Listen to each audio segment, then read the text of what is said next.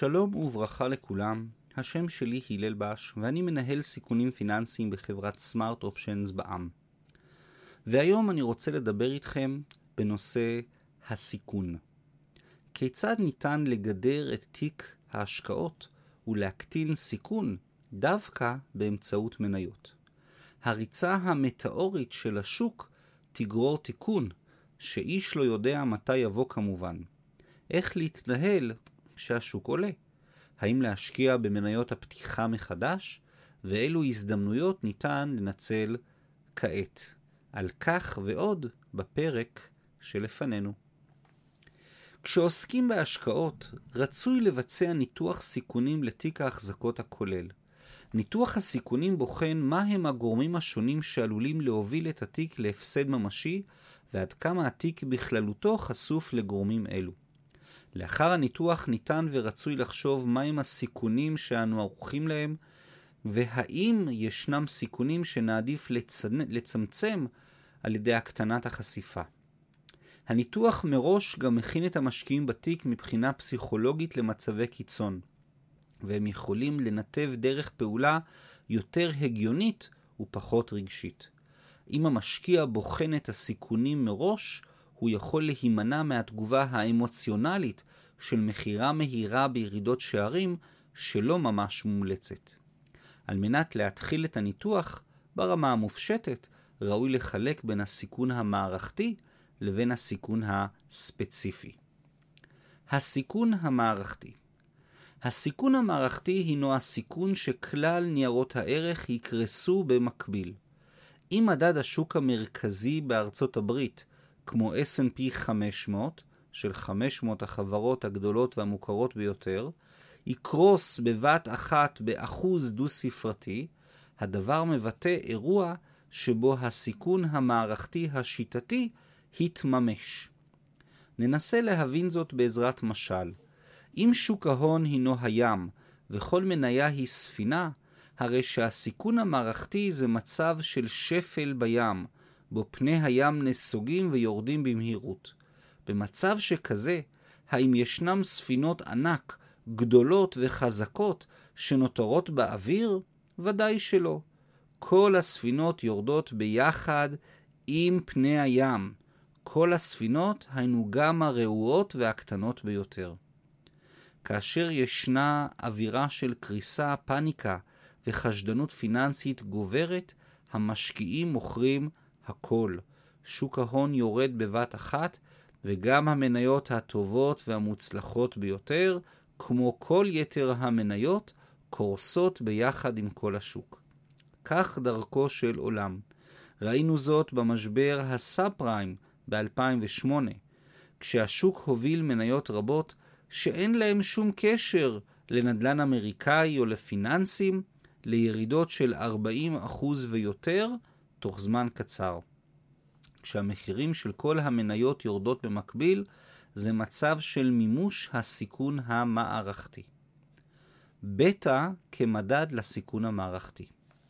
מדד מרכזי שבוחן את החשיפה של השקעה מסוימת או תיק השקעות כולל לסיכון המערכתי, הינו מדד הבטא. בטא מבטא עד כמה אנו מושפעים מהשינויים בשוק ההון בכללותו. לדוגמה, הבטא של מדד שוק מרכזי ורחב כמו S&P 500 באופן לא מפתיע הוא 1, כי הנכס, מדד השוק, מתואם לחלוטין עם שוק ההון בכללותו. לעומת זאת, הבטא של מניית אפל, הסימון AAPL, הינו כ-1.3. היינו אם מחר מדד השוק המרכזי, כמו S&P 500, ירד בכ-10%, אפל צפויה להפסיד בממוצע מעל 13%, פי 1.3, היינו בכפילות של הבטא. באופן כללי, מניות עם בטא של מעל 1 נקראות אגרסיביות. הן מאוד מושפעות משוק ההון בכללותו. ומניות עם בטא של פחות מאחד נקראות דפנסיביות, הן פחות מושפעות משוק ההון בכללותו. מניות עם בטא שלילית הן מעניינות במיוחד, משום שהן יכולות להוות מעין הגנה, מעין גידור, מפני הסיכון המערכתי השיטתי. כשהשוק יורד, מניות אלו עולות וממתנות את ההפסדים. הבעיה העיקרית היא שהדבר נכון גם במקרה ההפוך. כשהשוק עולה, הן יורדות. זו המשמעות של הבטא השלילית. הסיכון הספציפי הסיכון הספציפי הינו סיכון קל יותר להבנה. הסיכון שהשקעה במניה מסוימת תוביל להפסד ממשי. גורמי הסיכון כאן הם קלאסיים, מודל עסקי לקוי, הפסדים מצטברים, גניבה משמעותית של עובדת, כמו בבנק למסחר וכו'. ככלל, הגורמים שמובילים מיזם עסקי לכישלון הינם תוצרים ישירים או עקיפים של ניהול גרוע. עסק כושל לאורך זמן יוביל לירידה ממשית בערך שלו, ולכן מחיר המניה צפוי לרדת. אם נמשיך את המשל שלנו אודות הים, ספינה רעועה וקטנה שיש בה כשל מבני משמעותי, כמו חור גדול, תתחיל להתמלות במים ולבסוף תשקע לתהום. אם ישנה בעיה מהותית בולטת, מחיר המניה יצנח. סיכונים של תיק השקעות אינן מוגבלות למקום או זמן מסוים וקיימות תמיד. אבל יש שווקים מרכזיים שבהם הסיכון המערכתי השיטתי קצת יותר משמעותי ומורגש. ראוי לציין כי את הסיכון הספציפי ניתן למזער או להקטין על ידי פיזור ההשקעות וגיוון התיק בהשקעות שונות ורבות, למשל במדדי שוק מרכזיים, בעזרת קרנות סל או קרנות נאמנות מחכות. שוק ההון האמריקאי כמרכז ההשקעות העולמי. למרות היריבות הגיאופוליטית המוכרת בין סין לארצות הברית, אין ספק כי אמריקה הינה המנצחת הבלתי מעוררת בכל מה שקשור לשוק הון מפותח ומרכזי. ארצות הברית מהווה אבן שואבת מרכזית לכלל ההשקעות העולמיות.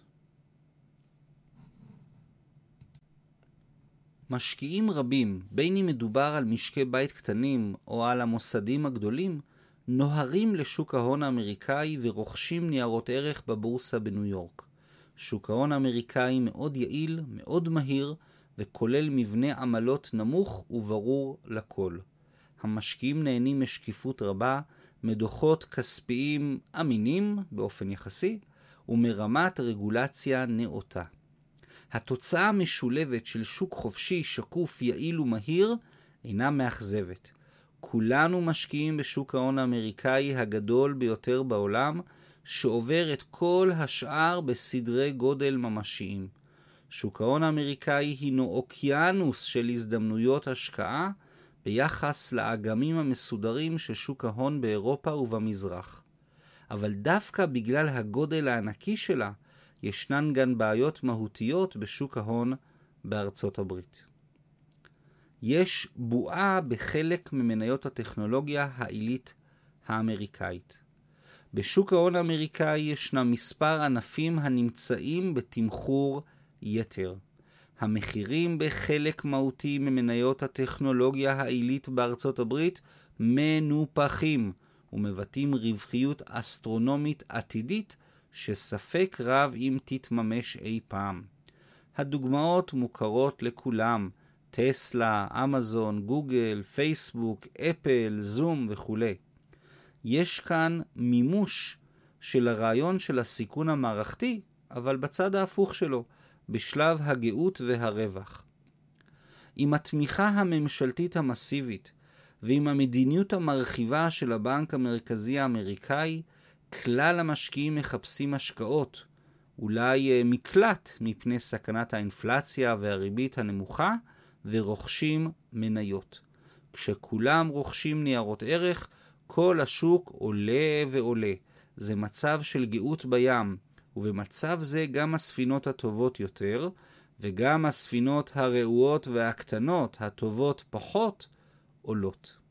היינו גם מניות פחות מוצלחות, שבימים כתיקונם לא היו זוכות לעדנה רבה, מטפסות במהירות למחירים מוגזמים. אבל אחרי העלייה תבוא הירידה. נראה כי יש הסתברות לא קטנה לכך שמניות אלו ייאלצו לחזור למציאות ונחווה בשלב כלשהו ירידות שערים ממשיות. התיקון הממשי במחירי המניות בו יבוא. השאלה הגדולה היא רק מתי. לדעת לנצל הזדמנויות. אבל גם הבנה בסיכון יכולה להוביל להזדמנות. כשהסיכון המערכתי השיטתי מתממש והשוק קורס, נוצרים מגוון רחב של אפשרויות לתשואה עודפת. לרוב הקריסה לא תהיה מוגבלת רק לענף זה או אחר, אלא נראה ירידות חדות בכל הענפים, בכל מדדי השוק המרכזיים בארצות הברית וגם בעולם. זאת טבעו של הפחד והפניקה. היא מובילה אנשים חכמים וטובים למקומות אפלים ומסוכנים. גם משקיעים מנוסים ומאוד רציונליים ממהרים למכור את כל התיק שלהם כשהם עומדים מול ירידות שערים חדות. וינסטון צ'רצ'יל, ראש ממשלת אנגליה האגדי בתקופת מלחמת העולם השנייה, נהג לומר, לעולם אל תיתנו למשבר לרדת לטמיון. Never let a good crisis go to waste. חשוב לדעת לנצל הזדמנויות. חשוב להחזיק ראש. לא להיכנע לפחד הטבעי המתעצם בירידות שערים, ולחפש מניות במחירי הנחה משמעותיים. חברות ערך עם אופק ארוך טווח.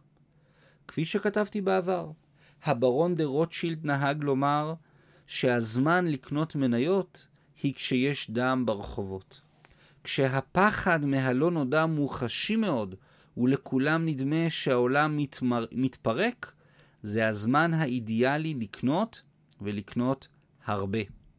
צריך להתמקד במניות בעלות ערך מהותי, שצפויות להרוויח מאוד מהיציאה מהמשבר, עם מודל עסקי מוצלח ומשאבים נזילים ניכרים.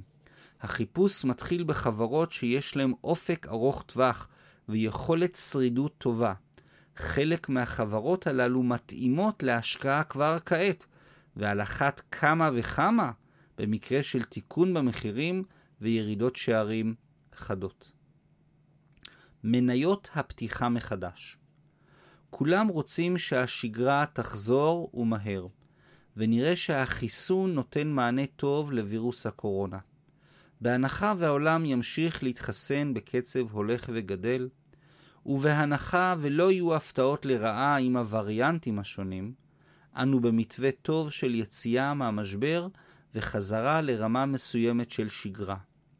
ענפים שונים שצפויים להרוויח כתוצאה מהיציאה ממשבר הקורונה, כבר חווים היום עליות שערים ממשיות. חברות בתחומי התעופה, התיירות, המלונאות, פארקי השעשועים והשיט בארצות הברית נמצאות כעת בפעילות אפסית או מאוד מוגבלת, וכאשר השגרה המבורכת תחזור, הם צפויים להציג רווחים נאים. חלקם ניצלו את משבר הקורונה לארגון מחדש, להתייעלות ולשיפורים חשובים ונדרשים. RCL כדוגמה. דוגמה אחת מיני רבות היא חברת RCL, Royal Caribbean. זוהי חברה שמפעילה צי של ספינות שיט ענקיות ברחבי העולם. החברה השכילה לנצל את המשבר לבחינה מחודשת של כל ספינות הצי, לעדכון טכנולוגי חשוב לכל תהליכי הנוסעים ולהרחבת נמלים מרכזיים שבה היא פועלת באופן תדיר. ב-RCL ראו הזדמנות ממשית במשבר וביצעו שדרוגים חשובים שצפויים לתת ערך מוסף ממשי ללקוחות ויאפשרו רווחיות גבוהה יותר בעתיד. זוהי ראייה ארוכת טווח של הנהלה מקצועית, שמצד אחד מוודאת שרידות ויכולת עמידה בתנאי שוק משתנים, ומצד שני יודעים לנצל הזדמנויות. כמו כן, עיון בדוחות הכספיים של החברה מגלה חברה עם קר נזילות נוח, שיאפשר לה רמת שרידות טובה גם במקרה והמשבר יתמשך.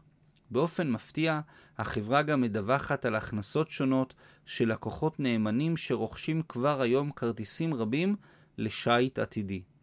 גם ניתוח ההחזרים מגלה כי ב-RCL יש נתח ממשי של לקוחות שלא מבקשים החזרים במזומן על ביטולים בעקבות הקורונה, אלא מבקשים לגלגל את ההזמנה שלהם קדימה. באופן כללי נראה כי RCL נמצאת במקום טוב לנצל את היציאה מהמשבר. זה אולי ייקח שנה או שנתיים, אבל משקיעי ערך עם אופק זמן ארוך טווח צפויים להרוויח מהצלחת החברה. לסיכום, ראוי כי כל משקיע יבצע ניתוח מהותי לתיק שלו ויבחן מהם גורמי הסיכון שיכולים לפגוע בתשואה העתידית. ראוי לחלק בין הסיכון המערכתי לבין הסיכון הספציפי הניתן לפיזור, ולבחון מה הבטא הכולל של תיק ההשקעות שלנו. כל זאת מתוך הבנה כי השוק צפוי ליפול בשלב כלשהו, וכשזה יקרה, צריך להתנער מהפחד הפסיכולוגי ולנסות לנצל הזדמנויות. טוב להכין רשימה של חברות וענפים טובים ומפותחים שיש להם פוטנציאל ממשי להצלחה עתידית. בחברות אלו חשוב לנתח את המודל העסקי, ההנהלה, הדוחות הכספיים והתנאים המקרו-כלכליים. יש הרבה הזדמנויות כבר כעת, ועל אחת כמה וכמה לאחר התממשות הסיכון המערכתי. השם שלי הלל בש. אני מאוד מודה לכם על ההקשבה, ומקווה לראותכם בפרק הבא. תודה רבה, ולהתראות.